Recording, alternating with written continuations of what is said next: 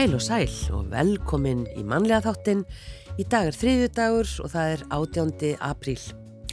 Já, við förum aftur til ársins 1244 og hér kemur nafn sem ég vona ég sé að segja rétt. Kægil Björn Dufgusson var drepin af mönnum Kolbens unga í Króksfyrði. Mikið tjón varð e, í Húsavík eða á Húsavík. Hér stendur á vegna jarðskjálta og var þá annað hundra manns húsnæðislaust og þetta gerist árið 1872. Já, ég þorði ekki að fara inn í þetta, ég veit aldrei hvort það er í eða á, ég er alltaf að reyna að læra það og það er, og ég er skammaður fyrir það þegar ég segja vittlust. Ég held þetta sé á Húsavík. Já, uh, húsið Glasgow í Reykjavík uh, sem var stærsta hús á Íslandi brann til kaldra kóla á þessum degi árið 1903 og mannbjörg varð. Árið 1906 var mikill jarðskjálti í San Francisco í bandaríkjunum og allir gífurlegum skemmtum. Eldar kviknuðu í kjölfarið og jöku mjög á skemmtinnar og fjöldi fólks fóst. Já og svo var það Magnús Torfi Ólason eh, sem að bar sigur og bítum í spurningakeppni útvarpsins á þessum degi árið 1971. Eh, þættinni héttu veistu svarið. Svo bara þremu mánuðin síðan var hann orðin mentamálar á þeirra. Já, Það er bara, mjög merkilegt. já, fólk er höfist að já, þessi á að komast í góða stöðu. Sko. Já, e, mikill bruni var það hortni Östustrætis og Lækjargötu 2007 og sama dag þá e, var vastjón þegar alltaf 80 gráðu heitt vatn rann niður vitasti og þar e, út í áttast norrabrautum um laugaveg. Já. Uh, yfir í efni þáttanins í dag. Í dag kemur til okkar Steinun Jóð Kristjánsdóttir, fordlegafræðingur og prófessor við fordlegafræði deild Háskóla Íslands. Hún talaði síðustu viku á ráðstöfnu um nýjar nálganir í klausturrannsóknum í Norður Evrópu og hún fjallaði um íslensku abbadísinnar í klaustrum landsins sem hún segir að megi vel setja í hóp merkustu Íslendinga á miðöldum. Þær eru þó sjaldan eða aldrei nefndar í innlendum sögulegum yfirlitum. Steinun velti fyrir sér af hverju það er og, og reynda svara því í erendi sínu og mun segja okkur einmitt frá því hér á eftir. Tíu ára afmælisýning söngleikjadildar söngskóla Sigurða Demets er söngleikurinn eitthvað rótið eða something rotten. Söngleikur sem fekk sjö tóni tilnefningar á sínum tíma og er nú sett upp í fyrsta sinna á Íslandi í glæniri þýðingu Orra Huyins og Þórs Breiðfjörð. E, fyrsta áhuga manna uppfærsla í heimi sem fær síningaleifi og kannski með e, síðustu síningum í Gablarleikusnu áður en það hús verður yfir. Við ætlum að e, spjalla við Þór hér á eftir og nefnanda í skólanum sem er um það bila að fara að skrifa undir samning e, í, já, Erlendis. Erlendis. Já, Akkurat. Elin Björk Jónasdóttir viðfræðingur kemur til okkar í sitt fræðandi veðurspjall í dag. Undanfarið hefur verið uh, mild veður uh, og úrkoma. Því allar Elin aðeins að fræða okkur um úrkomu tegundir til dæmis skúri, rigningu og súlt. Já, en við byrjum bara á Pólo og Erlu. Lóan er komin, eh, lag eftir James Blunt og Páll Ólafsson á texta.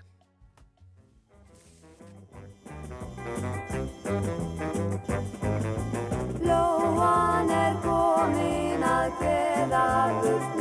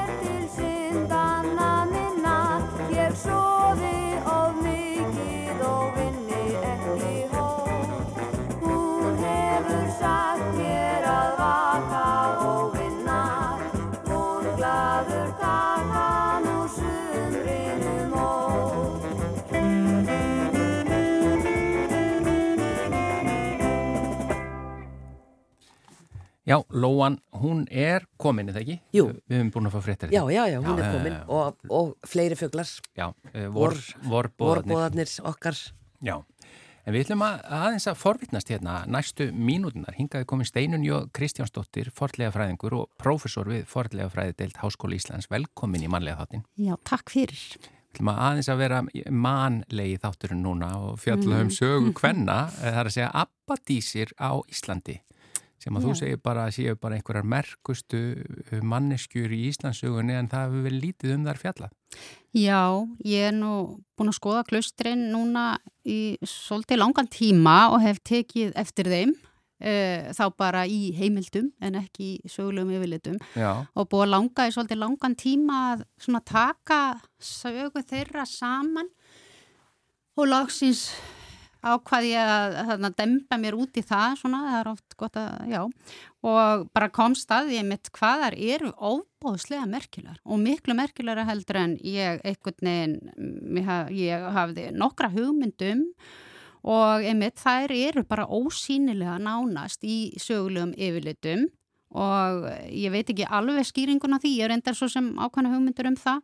Um, en eins og bara við úr grunnskóla kennslubókum hvergi sjáum að það er allar þekta með nafni og þekktar fyrir verk sín á meðaldum og mér finnst þar heldur af ekki svona noti sannmælis og þá er ég ekki bara að tala um hennan ósýnileika heldur svona hvernig er litið á þær og nunnur uh, á miðöldum. Eitthvað neginn svona litið niður að þær, þær hafi verið svona píndar í klaustrin og, og þetta hafi nú ekkert verið svona merkilegt og, og, og, ég veit ekki hvort þið þekkið þetta, kannski er ég uh, hérna, ég mynda mér, ég held ekki og, en þetta er bara að meina að þær hafi bara eh, nánast verið eins og í nöyð eða eitthvað slíkt. Já, einhvern veginn neittar og Já. gefnar í klustrin og, en það var bara sangkvæmt lögum uh, þá, uh, ég kannski byrja á því að segja að á miðaldum þá náttúrulega var sangkvæmt lögum átti faðir eða bræður eða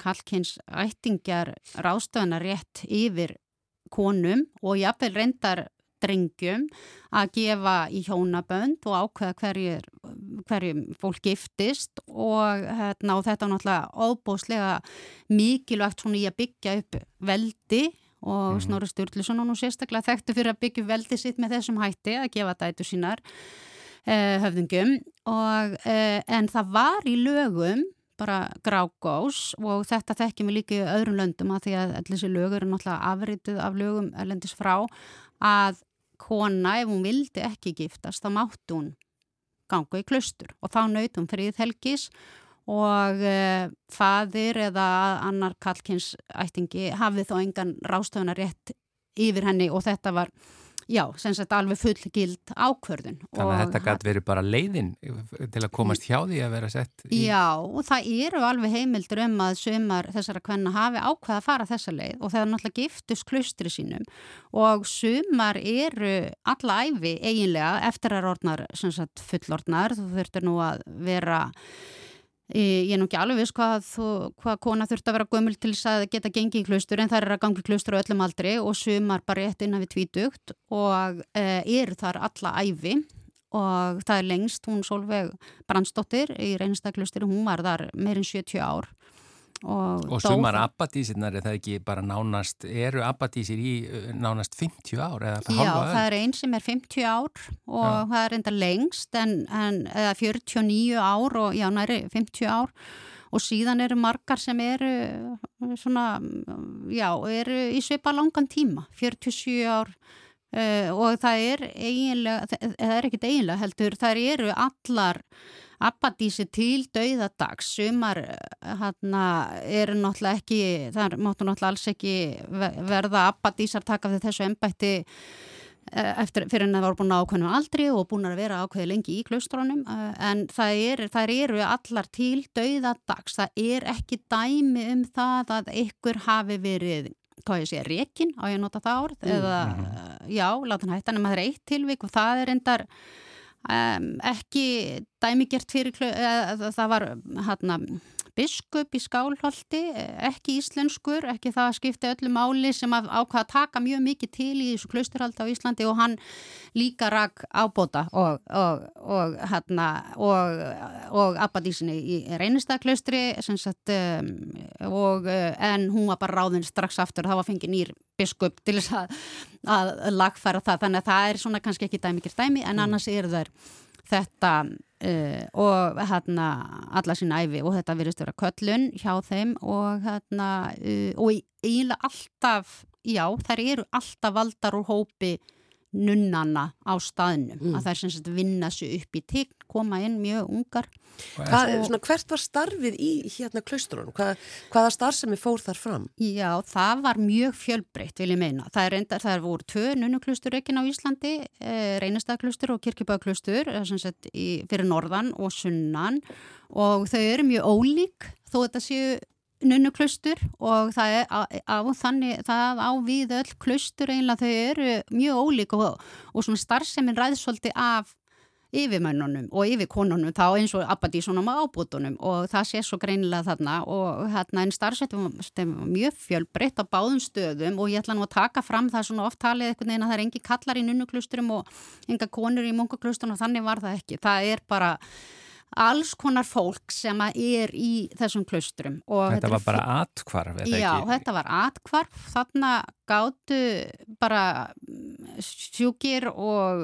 hérna heilbriðir leitað og á öllum aldri og við veitum að kirkjubæðaklustur til dæmis þjónaði því lítur ekki að vera, vera hvenna atkvarf og það eru bara til dæmi um úr heimildum að kona hafi flúið í í kirkjubæklaustur, fórum langan veg til þess að komast í klustrið og biskup reyndað fá hana aftur tilbaka til einhversins, en síðan er náttúrulega mikil framleiðsla í gangi í klaustrunum og sérstaklega kirkjubæklaustri, þar er textilgerðin hefur skipt miklu máli og þetta eru hérna, það er ofta einhvern veginn tala um þetta sem eins og þær hafa eitthvað verið að brótira og dunda sér og eitthvað svona, þetta er ekkert og bara textilgerði er ekkert dund og ekkert brótiri heldur að þetta eru óbóðslega vermætt kirkjuklæði sem er verið að framleiða og krafðist mikill að þekkingar og náttúrulega þetta er náttúrulega bara frá því að rekta söðfje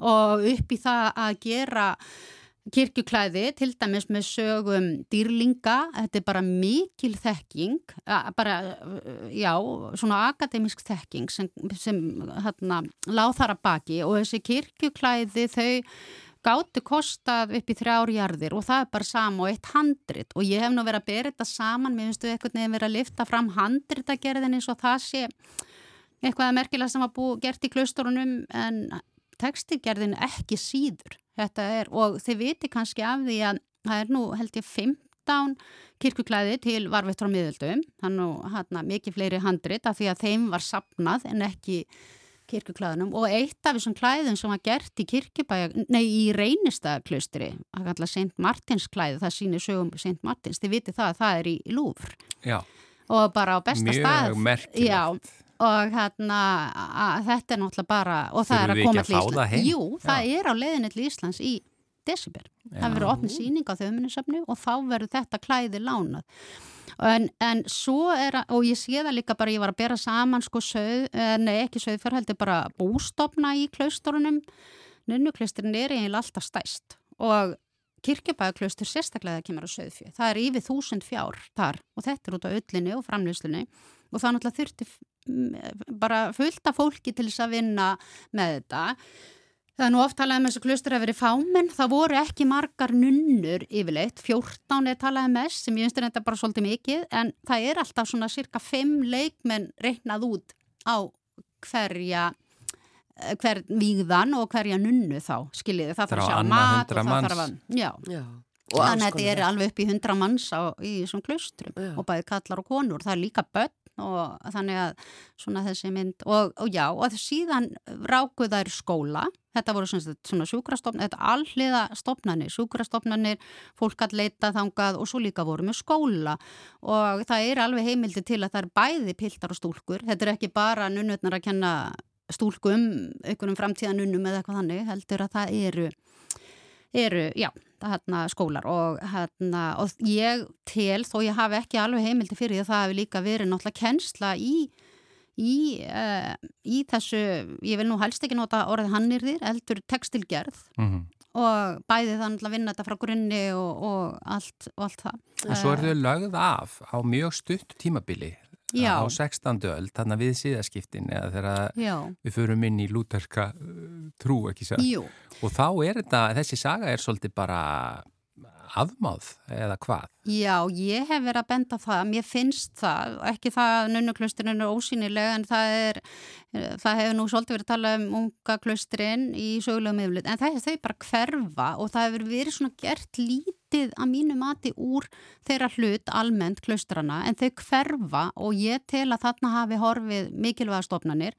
Og það er einmitt þegar að Lúthers kirkjuskipan er samþygt í skálhaldi, það er 1541 ekki samþýtt, já, í skálholtsumdæmi, þetta er samþýtt á alþingi sem sagt, en fyrir skálholtsumdæmi, það sem að kirkjubæðaklustur var, að þá er bara klustrónum lokað smátt og smátt, hann er enda búið að loka einu 1539 og það var nú bara, og það er konungur sem tekur dýfir að því hann er náttúrulega Það, við erum undir Dóanakoningi þá og, uh, og hann lokar öllum klaustrónum og svo smá saman svo er náttúrulega tekkið það að Jón Arason streytist þarna móti þannig að þetta dregst á langin í hólabiskustæmi en það er alveg sama þar en sér hann hann hálsvökuinn að þá er klaustrónum öllum lokað þar 1550 eða 51 En þetta er hérna á þessu tímabili og þau, þeim er allum lokað en konungur, ég ætla nú að taka fram að oft tala um að Dana konungur hafa svo vondu við okkur en hann reyndi að opna skóla og ég held spítala í klaustrunum eftir að hann var lokað eða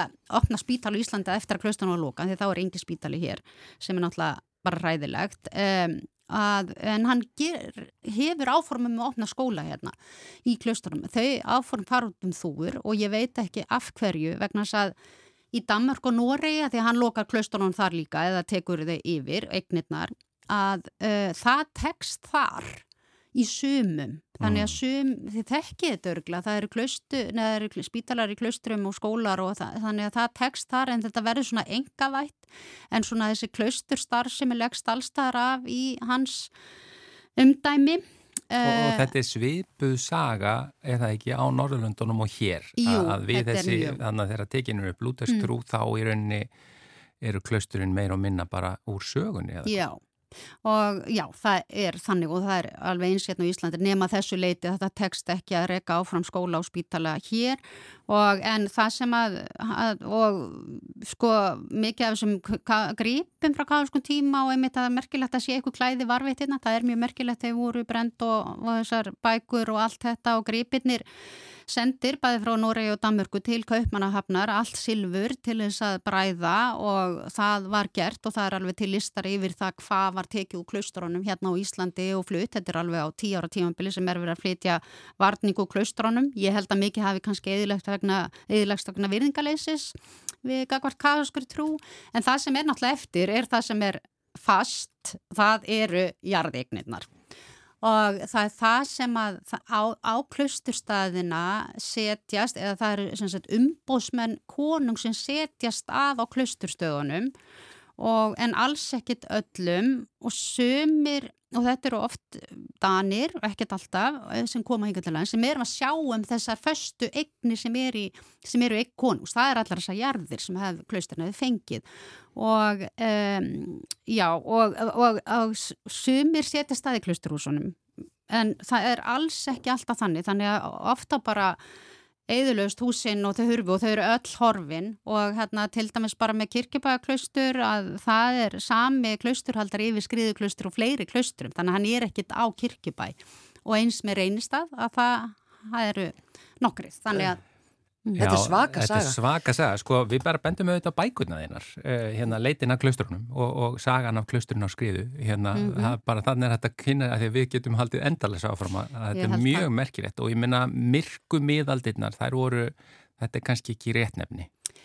Alls ekki. Ég held að þetta hafi verið mikið blómaskeið í sögu, Íslandsögunni með mikil menning, ég minna það er þetta, uh, já, að- sem fylgdi klusturunum og ég held að við höfum haft það ansi gott á þessum tíma og, og ok, við höfum það kannski gott á öllum tímum en það er ímislegt sem svo margt sem fer með hverfur með klaustrunum og uh, það er nú sagt að byltingin geti börnin sína því ég held að, að þegar þessi bylting verður að klaustrunum er lokað þá held ég svona kannski lástjætt hafi farið vest út úr því að þarna, og fólk já, bara fór á vergang fór á vergang og skjól þarna. já, og það er talað um förumennapláu og þið getur bara ímyndað ykkur ef að landsbítalanum er þið lokað, hvað hvað Já, myndum við gera? Og við sjáum það bara á skriðuklaustri til dæmis þar sem var nú spítali alveg greinilega og fólk deyr náttúrulega úr öllu en það er fólk sem er þar eru beinagrundur af fólki sem að, að var uh, já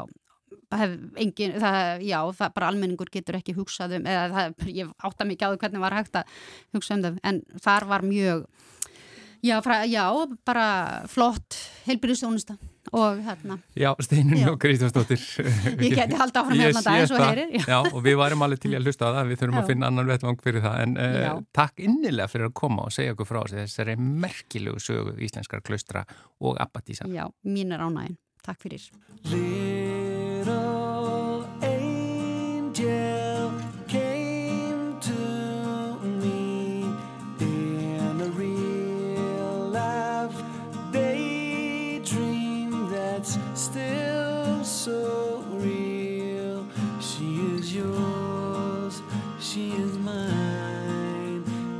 she smiles all the time,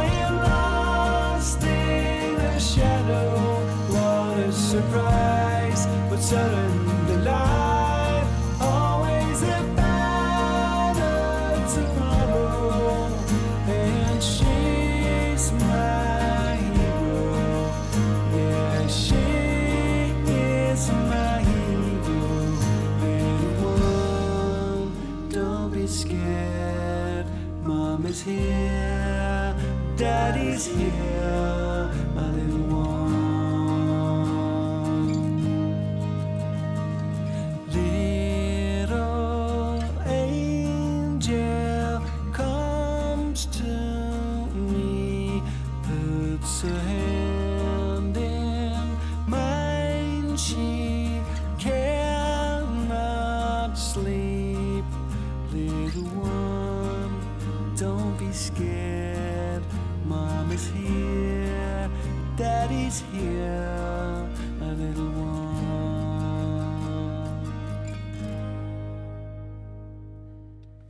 Já, þetta lag heitir Little One, uh, Red Barnett uh, kallar hann sig.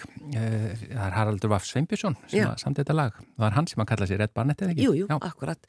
Og svona þessi hljómsveit sem er með honum. Eh, Við vorum að segja á hann frá eh, þessari tíu ára afmælisýningu söngleikadeildar söngskóla Sigurða Demets. Og þau eru að fara að flytja hérna eitthvað rótið söngleikin Something Rotten sem fekk, eins og við sögum á hann, sjö tóni tilnefningar á sínu tíma. og er núna sett upp í fyrsta sinn á Íslandi í glænir í þýðingu Orra Huyins og Þós Breiðfjörð. Og þetta er fyrsta áhuga mann uppfærsla í heimi sem fær síningaleifi og uh, þau eru komin hingað Þór Breiðfjörð sem er leikstjórin og Bergþóra Sól Elliðadóttir ein af þeim sem tekur þátt í síningunni velkomin. Takk fyrir, kjærlega. Um, uh, já, ég reyndar, svo ég takk ég það nú ekki á honum orra, sem sagt orri hugin er, er leikstjórin en, en ég er skólastjórinn. uh, deildarstjórin. Deildarstjórin, Já, uh, akkurat. Og Orrihugin er sem sagt að leikstýra þessu. já, já, já. Já, og, já, já. og við þýðum þetta saman og, og, og hann, er, hann er náttúrulega búin að vera hjá okkur núna í þó nokkur ár og við erum búin að taka ymsa sveifluna saman, a- a- alveg ótrúlegur leikstjóri. Hann- Ég myndi segja að fara á kostum, er það ekki Bergþóra? Jú, hann gerir það, Já. er frábær. Og, hvað, og hvers konar uh, sönglingur er þetta? Something Rotten, Bergþóra. Um, og hvað leikur þú? Uh, ég er í leikhópnum bara, ég er svona leik bara alls konar hlutverk, uh, þar á meðal stómara og svo er ég bara rosalega mikið að dansa. Já, Ja, Bergþóra er alltaf bara gríðilega uh, fjölhæf, hún er reyndar, var bara komið inn á fyrsta ári hjá okkur, hún er alltaf nú þegar búin að fá hérna, tilbóð í háskóla erlendis, það var nú leitt að að sjá bakjenni en, en, en, en, hérna, en hún er bara mjög, mjög fjölhæf og leikur alls konar karaktera og er frábær dansari þar að auki. sko. já. Og í hvaða skóla varst að komast? Uh, sem sagt, The Royal Conservatoire of Scotland heitir hann, eða RCS. Í, í Glasgow eða ekki? Jú, í Glasgow. Í Glasgow. Og er það sem, sagt, uh, það sem er mest áhersla á söng? Eða bara Uh, allt? Ég er sem sagt að fara á söngleikadeild, Já. þannig að það er lögð áhersla á söng, leiklist, dans og svo hljóðfæri líka. Já. Það kom aðeins óvart, já, þeir skelltu því á hann, hún þarf að læra hljóðfæri líka. Já, er það ekki bara sniðugt? Jú, ég held það sko. Er sekja pípan nokkuð skilda? Eða? Sekkjapípa er frábær í söngleikjum. Hann, Finnst já. þér það? hann myndir ekki vilja syngja móti sekkjapípu þór. Heyrist lítið í henni. Um, jú, jú, jú. Jú, jú. En svona sögufráðurinn í þessu Something Rotten, það gefur til kynna að það er svona eitthvað eh, svona, eh, hvað segir maður, óhrind mjöl í pókahornið þarna einhver staðar. Já. Já. þetta vísar sko til Shakespeare leikritsins sem sagt, uh, það er eitthvað rótið í Danmörku ja, því, sko. uh, þetta er sagt, þetta gerist á enduristnaröld og uh, þar er Shakespeare svolítið svona alveg, hún er svona rockstjarna í svolítið eins og svona bresku þú veist, Mick Jagger eða eitthvað svona svoleiðis típa, Tom Jones, eitthvað svona mix og er rosalega þreyttur á að vera hann er erfitt að vera frægur.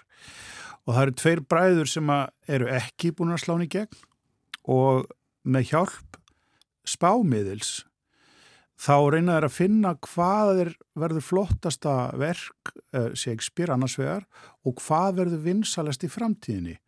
Það kemur út af þessi hlutur sem heiti söngleikur og þeir fara í að, að, að, semja fyrsta söngleikin Mm. í heimi á endurreitnaröld. Akkurat. Þetta er ekki svona nokkurn veginn. Jú. Og svo náttúrulega líka hvað er eiga að semjum. Það er svolítið vesend sko. Já, af hverju? Af því að þeir þurfa náttúrulega að vera í samkeppni við hann William Shakespeare sem er náttúrulega talin verið besti rithöfundurinn á þessum tíma. Já, Þannig að þetta þarf að vera geggjuð hugmynd sko. já, Þetta er eiginlega svona vísindaskáltsaga aftur á bak.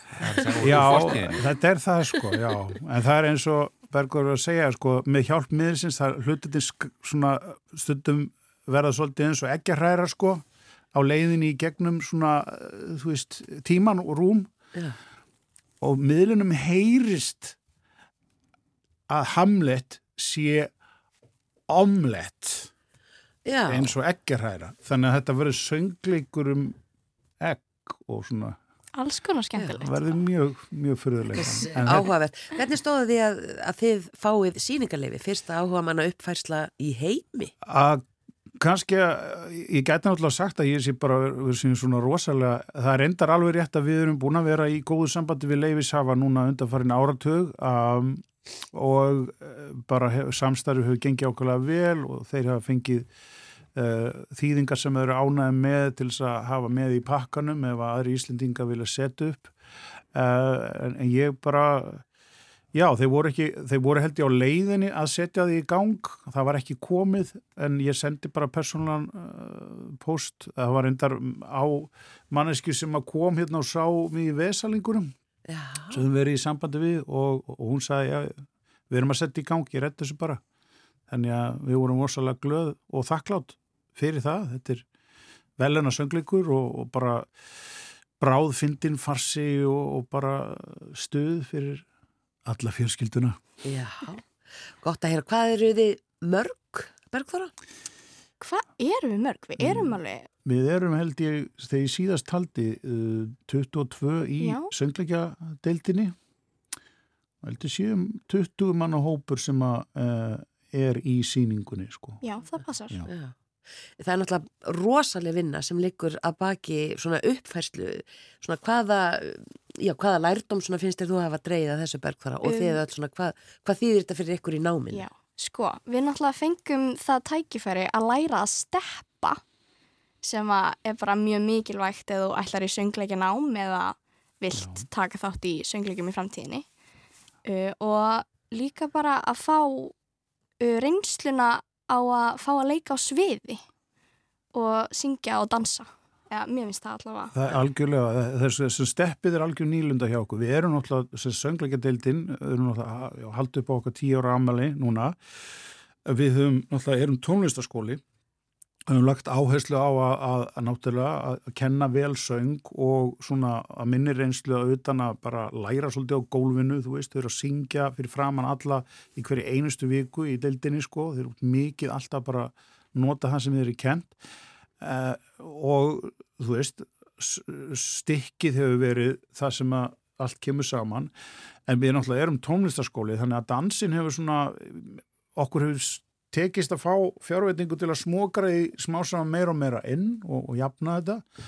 Og í ár var bara þessi risa áskorun, ég, ég segja alveg svo er, það voru ykkur á námskeiði svona fjóri, fimm og sem áttu stepp sko og við hugsaðum já við getum kannski gert eitthvað með það. Og svo bara voru allir svo peppaðir Mm að hópurinn er bara búin að leggja dag við nótt við að læra þessi risastóru dansatriði og svo erum við náttúrulega með frábært fólk Ingvar Alfredsson tónlistastjóra að setja allt saman og hérna Auði Bergdísi og Rebekku Hidalgo sem að er frábær steppari og það er bara þetta er uh, já, þetta er bara þetta er ótrúður hópur, það er bara þessi óbeislaða gleði hjá söngleikja hópnu held ég sem gerir þetta allt sko. Já, og við höfum ekki kannski verið svona beint með steppið inn í leiklistanamunu. Manst þú nokkuð eftir því kunni? Nei. Uh, ég, það litla sem ég reyndi var mjög erfitt og, og ég lagði það á hilluna bara mjög flott. Laðið bara skóna strax á hillinu. Já, já, Já. þau- En það er rosa flott að sjá flott stepp, sko. Það er gaman, já. Já, Já. já, já, já, já. En við bara hvetjum fólk til þess að fara og sjá. Þetta, ég gæti verið með síðustu síningunum í Gablaraleikursuna því það stendur til að rífa það hús. Já, það er alveg satt. Það er mér, sk- okkur skilst að, að þetta geti og sé líklega að síðasta sýningin svo bara verða rifið og, og, og byggt hérna að byggð viðbót við vikingahótelið. Já, akkurat. Er, Eh, hvenar er frumsýningin? uh, frumsýningin er bara núna á uh, föstaskvöldið. Hún er nú líklega orðin uppselt, kannski eru til einn eða tveir miðar ef fólk vil koma. Já. Síðan eru tvær bara strax helgina þar á eftir og svo þar strax helgina þar á eftir. Já. En eh, ekki mikið meir en það. Við eh, kannski skellum inn auka síningu 12. mæ en svo bara verðum við að fara vist í sumafrí og, Já, já. og fólk að fara út í erlenda Já. skóla. Og Og, alls konar. Já. Heyrðu, við varum svo ömuleg við Gunni, við erum ekki með lag úr síningunni og ekkert lag úr söngleik Já. en við ætlum að uh, leika lag bara með þér Þór. já, Af- hvað er það? Það heitir Don't Get Around Much Anymore af uh, þinni ljúfu plötu, heitir hún ekki ljúft kvöldi? Já, á ljúfu kvöldi. Á ljúfu kvöldi. Við ekki að segja að þetta sé bara svona eftir COVID-lag þá, hérna, því að þetta eru mann sem að eh, fer ekki drosalega mikið út á lífi lengur, sko. Já. Hrópandi anstöðu við, við síninguna. Já, hrópandi anstöðu. Heyrðu, kærar þakkir fyrir kominu hingað í mannlega þáttin Bergþóra Sóla Elleðadóttir og Þór Breiðfjörð. Þakk ykkur innlega. Takk, takk.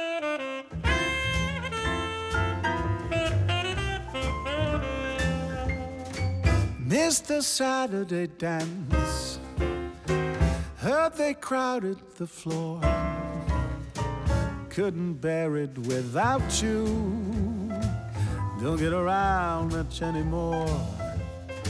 Thought I'd visit the club. Got as far as the door. They'd have asked me about you. Don't get around much anymore. Darling, I guess My mind's more at ease, but nevertheless, oh, I up memories. Been invited on dates. Could have gone, but what for? Awfully different without you. Don't get around much anymore.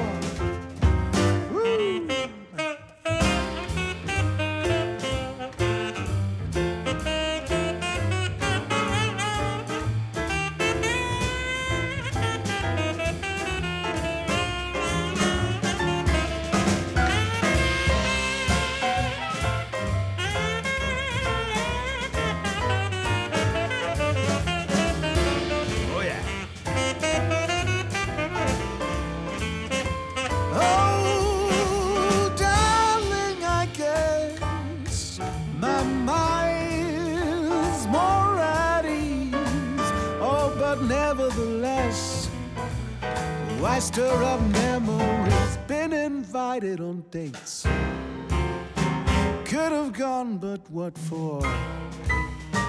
Awfully different without you.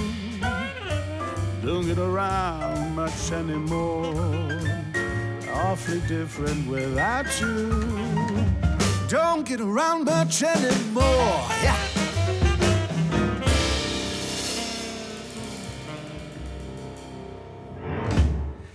Já, þetta var Þór Breiður sem var einmitt hérna í viðtali hjá okkur fyrir þetta lag. Þarna söngan Don't Get Around Much Anymore eftir Duke Ellington og Bob Russell. En nú er komið að veðu spjalli. Hingað er komin Elín Björk Jónasdóttir. Velkomin. Takk fyrir. Velkomin til okkar. Búið að vera mildt en, en úrkoma núna bara í svolítinn tíma. Já, uh, búið að vera talsverð úrkoma sérstaklega náttúrulega við söður og austuströndina. Já. Svona sunnan og austanáttum. Og líka hér uh, á höfbrukarsvæðinu. Og Já. svo svona eitthvað, eitthvað líka viða um land sko. En, en nú þurfti vilt á Norðurlandi í þessum sunnanáttum. Mm. Er það rétt að það veri 16 steg að hitti á Akureyri gæð? Já, ég veit ekki reynda með. Akureyri, það hljómar ekkit óleglega, það var í Seyðisfyrði og, og hérna Reyðafyrði held ég á Kollariru og, og það er þessi sunnanátt og, og hnjúka þeirinn sko. Já. Einmitt, eitthvað sem gerist aldrei hér eða hvað. Jú, í norðanáttinni þá stundum eða, eða austanáttum þá fáum við svona hlýjan, hlý, hlýjan ströym af lofti niður fjöllin sko. Þetta snýst um að, að, að loftið sem sagt hlýnar leið niður brött fjöll. Þannig að allstaðar þar sem að er, eru brött fjöll, þar í einhverjum áttum sem sagt áttunar sem að leggja þá niður dalina Mm. að þar kemur hlýr hnjúka þær. Njúka þeirri fallega. Já, mjög fall. Og, og njúka eða hnúka við vorum búin að fara í gegnum það, það er alveg sama það bara, hvað mann finnst það bara er fallegast. brestir landslutum og eitthvað svona. Já, akkurat. E, svona, við erum að, eða svona berum það von í brjósti að þetta sé bara komið. Já, vorið. Vorið, já. Ég ætlaði nú að halda því fram og svo fór ég að skoða veðspána. Nei, Elín, hugsaði nú aðeins um að Já, já, já. Nei, nei, sko, en þess að það er búið að vera mjög mild og eiginlega óvenni mild og um helgina þá svona kólnar aðeins en við erum ekki að tala um einhvern fimbulfrost og, og Mhm. hérna, og hríð, sko. En bara þannig að þú veist, það er ennþá alveg líkur á næturfrosti og allskynst. Til dæmis, karteblur ætti ekki að fara út strax og eitthvað Mm, já, já. slíkt. það er nú gott. En sko, megum við búast til snjókomu á heiðum? Gæti Já, verið. það er svona spá um einhverja slittu á föstudag, föstudag lögadag sko þannig að, að hérna, ég held að sé nú engin ástæð til að vera á nagladekkjum en það er ágætt að vera á svona einhverjum ekki alveg sléttum, bara Já. helsás eða, eða Akkurat, nú eru vinstri. út um allt á dekkjavestöðun. já, já, og Já. náttúrulega þar sem að lang flestir keira allan daginn er auðvitað bara lálendi og það er auðvitað löngu, Já, allt löngu er þau aukt sko. og margir á svona góðum heilsástekkjum. Já, já. Já, en sumadagurinn fyrsti, hann er á fimmtudaginn. Mm. Mun hann svona verða þólanlegur eða er þetta blá læri í stuttbuxum? Nei, hann er nefnilega fín og sko það er, Er þessi nætufrost, er það ekki eitthvað? Einmitt sko, Já, það er þetta með að, veitur frjósi saman, það sé svo fínt sko. það er gott sem sagt. Já, það á víst að vera gott. Við höfum aðeins hérna vandraðast með þetta því oft er náttúrulega alltaf frost einhver starf einhverjum hálendistöðum þó að sé mildi byggð og við höfum svona kosið að tólka þannig að það þurfi bara eina stöð á landinu til þess að vera frost á til þess að þetta gangi eftir. Mm. Ah. E, og það er alveg líkur á því sko en það fristir nú ekki byggð held ég á síðasta veitri því. Já, en það, það virðist vera hérna samkvæmt, ég er að skoða viðkort bara, já, við- þitt kort Já, já, vantarlega á viðbúndurinn. Hér er bara heil sól, bara nánast um all land á sumadaginn Já, fyrsta. hann nefnilega lítur bara vel út. Já, En svo Og- kólnar hann aðeins í kjölfarið, sko. já, já, já. En að því að það hefur verið mikil úrkoma Mm. undanfarið, Já, ætlum við aðeins að fá að fræða okkur um svona hinn ímsu úrkomu heiti. Já. einmitt. Já, e, Sónur minn spurði mitt í gær, sko, ég kom heim hjólandi í regnfötum og hann var að fara út og ekki í regnfötum að því við litum út og það var ekki sagt úrkoma þá og þá segir hann, er þetta ekki svona skúrir? Mhm. Aha. Og það var rétt hjá hann, sko. Hvað þýðir það? Já, sko. útskýrðu það alveg. Sko það er hérna, við, við flokkum úrkomu í raun og veru í, í tvo mismunandi, eða með tveimur mis, mismunandi háttum. Það er semst annars vegar, þá tölum við um sko rigningu og súld og þóku, erum við að tala um fljótandi úrkomuna og hún hefur með drópastærðina að gera. Hmm. Að ef það rignir þá eru dróparnir frekar stórir og, og hérna maður blotnar daldið svona vel alltaf Já, í rigningu. Um, súld er meira svona úði og það eru oft svona loftbornir drópar, það eru, þeir eru miklu minni sko, en falla þó til jarðar og falla á okkur og svo er þoka, það eru minnstu dróparnir. Þeir svona eru, svona, þeir eru svona svífa. Já. Uh, Það er Já, þannig að- þekkjum mjög vel. já, en Já. Meina, þannig að þoka er í rauninni úrkoma. já, já, já. já, já. Já. Eða, sagt, já, hún er bara opaslega fínlega. En við tölum um hana sem veður en það er samt sko að því þá er hún að hamla skikni og slíkt sko. Já, já. Og svo metum við oft sko er mikil úrkoma aðtunatíma, er miðlungs úrkoma aðtunatíma, er lítil úrkoma aðtunatíma og þá er það sko hvernig skiknið er í samblandi við úrkomuna. Já. Þú veist hvort að það, ef það er alveg helli rigning þá er skiknið oft mjög, mjög slæmt. En það getur alveg verið talsverð rigning þó að maður sjáu hérna út um, út um allt sko, alveg í fjöll og, og annað slíkt. Þannig að það er svona það sem við meðum við. Já. en sko súldin að smá aðeins inn í hana Einmitt. áfram sko að því ég, ég hef aldrei svona vita nákvæmlega hvað hún er en Einmitt. þó ég held ég hafa alveg svona tilfinningu fyrir því þegar maður lappar út í súld þá einhvern veginn hugsa, hugsa maður, þetta er súld Já, það er svona úðinn sko. Þegar, man, það, þegar, man, þegar okkur langar að segja nú er úði, Já, þá er það súld. Súld er bara veðurfræði heitið. Já það er Og aldrei notað skyggni. úði að, hjá viðfræðin Nei, við notum það ekki sko. Af því, að við erum, af því að úði gæti líka alveg verið þoka og við gerum upp á milli sko. mm Það er eins gott að hafa þessi heiti rétt. Já, það er nú svona, það er ekkert mála að lesa sér aðeins til. En svo er nefnilega það sem að er kannski veldur hvað mestum rugglingi. Það er sko að í veðurspám þá tölum við um rigningu, rigningu með köplum, skúri -hmm. og, og svona næstum þurrt eða eitthvað slikt sko. Já. Og, og það er þessi, þessi hérna, umræða um sko regningu og regningu með köplum uh, versus síðan skúrina sem að veldur eðlilega, Hver er munurinn á þessu? já, veldur eðlilega vandræðum sko. Þetta hefur með skíategundirnar að gera, þannig að nú getum við aðeins rætt um það. Já. Að því að það rignir úr samfeldum skíabreiðum. Við sjáum ekkert mikið blátt í heimin á milli, oft eru sko svona hérna blika eða svona, svona svolítið þung grá skí yfir og jafnvel svona sko sést lítið til fjalla af því það er bara skíjað uh, alveg kannski upp úr 100 metrum og, og upp úr sko. Ég verði að stoppa það þannig að við erum, við talaðum svolítið um orðin og Mm. við vorum með sér Anna Sigri komið inn að þú segir blika. Já, er það, er það, og það er eitthvað sem er þung, þung sko nú líst mér ekki á blikuna. Já, en, og, og blik, en blikur á lofti? Er Já, það það er aðeins annað, það eru háskíin sko, en, en þá nefnilega var fólk að sjá og það var að sagt, koma, þá horfði fólk á sjóndildarhingin og sér að það er svona uppsláttur þannig, að- þannig að í fjarlægðinni Mm e, var að verða allskíjað. Það er blikur á lofti, það, það þýr eitthvað sem, svona, sem er ekkit sérstaklega gott að koma Já, það er að færast nær og það er líklega allavega það er að draga fyrir sól og væntanlega er að koma regning og blika er í raun og veru svona allskíjað, það er ekki, maður sér ekki mikið af sól eða, eða sem sagt á milli. Og hún getur verið í nokkrum hæðum og þegar hún er komin svona orðin tiltúlega lág þá er þetta yfirleitt svona þungskíjað, þá, Mm. þá svona finnum við dumbungin og það regnir úr svoleið skíjum sko. Já, já, já. Já, já, já. En skúrirnar, þær nefnilega koma úr skúraskíjum sem að geta verið bara eitt og eitt og það eru þessi skí sem svona líta út eins og blómkálshausar. Það er skúrast. Það eru skúraskí Já. og við tölum um skúraklakka. Þetta er veðri sem að fer úti kannski og Já. heldur að sé ægilega fín Einmitt. svo allt henni fyrir regna í Svo kemur smástund svona alveg styttir hellidemba, upp. Já, stittur upp og þú horfir kannski á sólina sko bara rétt til hægri eða vinstri En Eða, stendur eða í- horfir en á skúrin úr- að já. koma. svo getur maður hort að skúrurna koma líka það er ofta alveg óbáslega flotta myndir sem er hægt að taka þar sem maður bara eins og upp á svölma veðstofinni þá sér maður mjög oft bara skúri yfir kópavóinum og getur hérna getur bara tekið mynd já, er það ekki Garðabæ, þú viss? Nei, ja, svo, svo Nei, er það sko, svo á við metið, já, við erum með getur fjallæða kort sko. en hérna, nei, nú á Reykjanesi og svona sko, Mhm. en, en það er aðal málið að skúrirnar eru, sagt, það eru svona kannski, getum við sagt, á, eða oftar að við sjáum klí á milli, Mm. en þær geta líka verið með miklu meiri úrkomu á stuttum tíma, oft kemur hellidemba úr þeim og svo bara leysst þessi ský upp og svo kannski myndast bara næsta ský og Já. hérna, það tekur smá tíma en rigning með köplum þá er svona yfirleitt all skýjað eða að megninu skýjað sko og þá er alltaf að rigna bara svona smá og smá og ekkert endilega einhver opaslega ákefð Já, en svo þegar er alveg rigning að þá er það nú einmitt líka yfirleitt í svona þungskýðu þar sem að maður svona finnur svolítið dumbung, dumbungin og Já. einmitt. En að því að nú sumardagunum fyrsti á Já. fimmtudaginn og þá er, það þýðir, þá er sumari komið að nafninu til, eins og alltaf. já, já. E, við höfum aldrei beðið kannski um ykkur á langtímaspá en bara ef þú bara ættir að, e, hvað ég sé, bara tippa á það.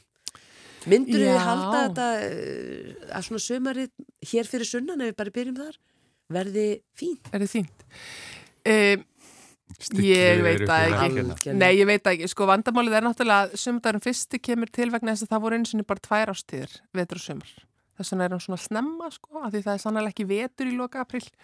Uh, en hérna, sko, við höfum séð á undanfjörnum árum að það hafi verið svona læsingar í veðrakerfunum. Þannig að þegar það kemur eitthvað veður og þá er það alveg ótrúlega lengi. Já, og það hefur alveg verið alveg öll síðustu sömur og það hefur bara eiginlega ekkit breyst veðrið sko oft svo vikum skipti. Þannig að ef við lendum í því að við erum komin í einhverju sunnanáttúra rigning á Suðurlandi þá er það bara einhvern veginn þannig í þrjárvíkur Já, við og sama fyrir norðan.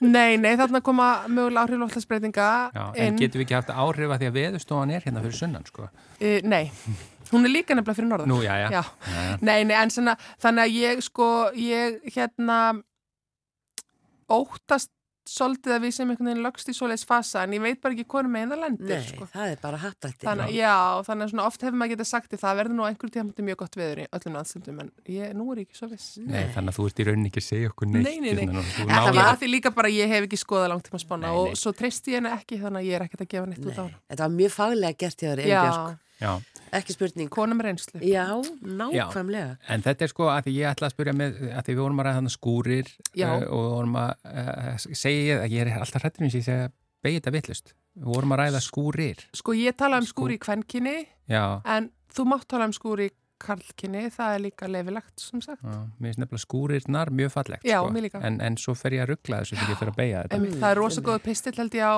vísindavefnum eftir hana Guðrunu íslensku fræðing. Já, en, en sko hérna uh, skúrir og súld uh, þetta er ekkert tengt hitastíi þar sem auðvitað veit ég að það þarf að vera pluss uh, Já, já, já. en, en hérna það er náttúrulega bara eiginlega alltaf pínu kallt þegar það er rigning á Íslandi þegar Já, já, já. Nei, þetta tengist mér að rakastíðinu, sko, hvort það Já. negur raki til þess að metta andrúsloftið, en skúrirnar, það verða náttúrulega hitaskúrir á sömurinn þegar, þegar skín sól til dæmis á, á sand eða eitthvað svona sem hitar upp og, og veldur uppstreymi. Get farið í það síðar. Já, Ah. það